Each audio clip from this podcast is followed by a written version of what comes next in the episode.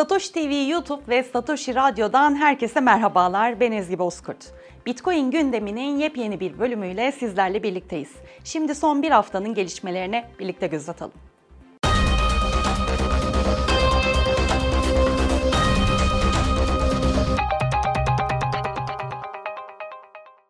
43 trilyon dolarlık varlıkla dünyanın en büyük ikinci saklama bankası olan State Street, Bitcoin ve kripto paralar için saklama hizmeti sunacak. Banka bu doğrultuda kripto para saklama şirketi Copper'la ortaklık kurdu. ABD Başkanı Joe Biden, sektörün geçen seneden beri merakla beklediği kripto para kararnamesini imzaladı. Kararname ile ilgili devlet kurumları tüketici ve yatırımcı korunmasını sağlayacak ve ABD'nin teknolojik liderliğini devam ettirecek yeni öneriler getirmeye çağrıldı.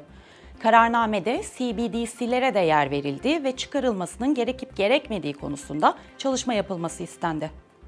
İran aylar sonra Bitcoin madencilerinin faaliyetlerine yeniden başlamalarına izin verdi. Bununla birlikte hükümet madenciliğin yenilenebilir enerjiyle yapılması şartını getirdi.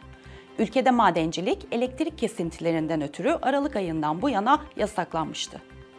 ABD Menkul Kıymetler ve Borsa Komisyonu'ndan spot Bitcoin ETF'leri için yine red kararı geldi. Kurum GlobalX ve NYDIG şirketlerinin Bitcoin ETF başvurularını geri çevirdi. Twitter'ın kurucusu Jack Dorsey'nin şirketi Block, geliştirilen Bitcoin cüzdanı ile ilgili ilk ayrıntıları paylaştı. Merakla beklenen cüzdan bir parmak izi okuyucusuna sahip olacak ve işlemler parmak iziyle onaylanacak. Şirket, cüzdanın kullanıcıları yeni bir arayüz öğrenmeye zorlamamak için ekransız olacağını söyledi. Zincir üstü verilere göre Bitcoin'de büyük miktarlı işlemler artmaya devam ediyor. Into the verileri tüm Bitcoin işlem hacminin %99'undan fazlasının 100 bin doların üzerindeki işlemlerden oluştuğunu gösteriyor. Şirkete göre bu kurumsal talebin aynı şekilde devam ettiği anlamına geliyor. Tesla CEO'su Elon Musk, Bitcoin'lerini sattı dedikodularının ortasında merak edilen soruya yanıt verdi. Musk, Bitcoin, Ether ve Doge'larını hala elde tuttuğunu ve satmayacağını söyledi.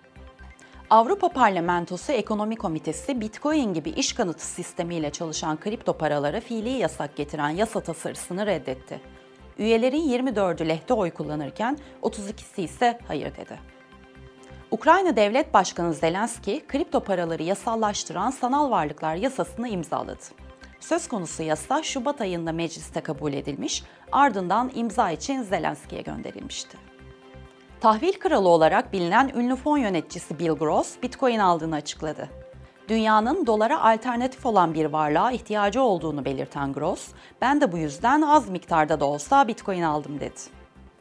Bitcoin gündeminin bu haftalık sonuna geldik. Gelişmelerden haberdar olmak için Satoshi TV YouTube ve Satoshi Radyo'ya abone olabilirsiniz.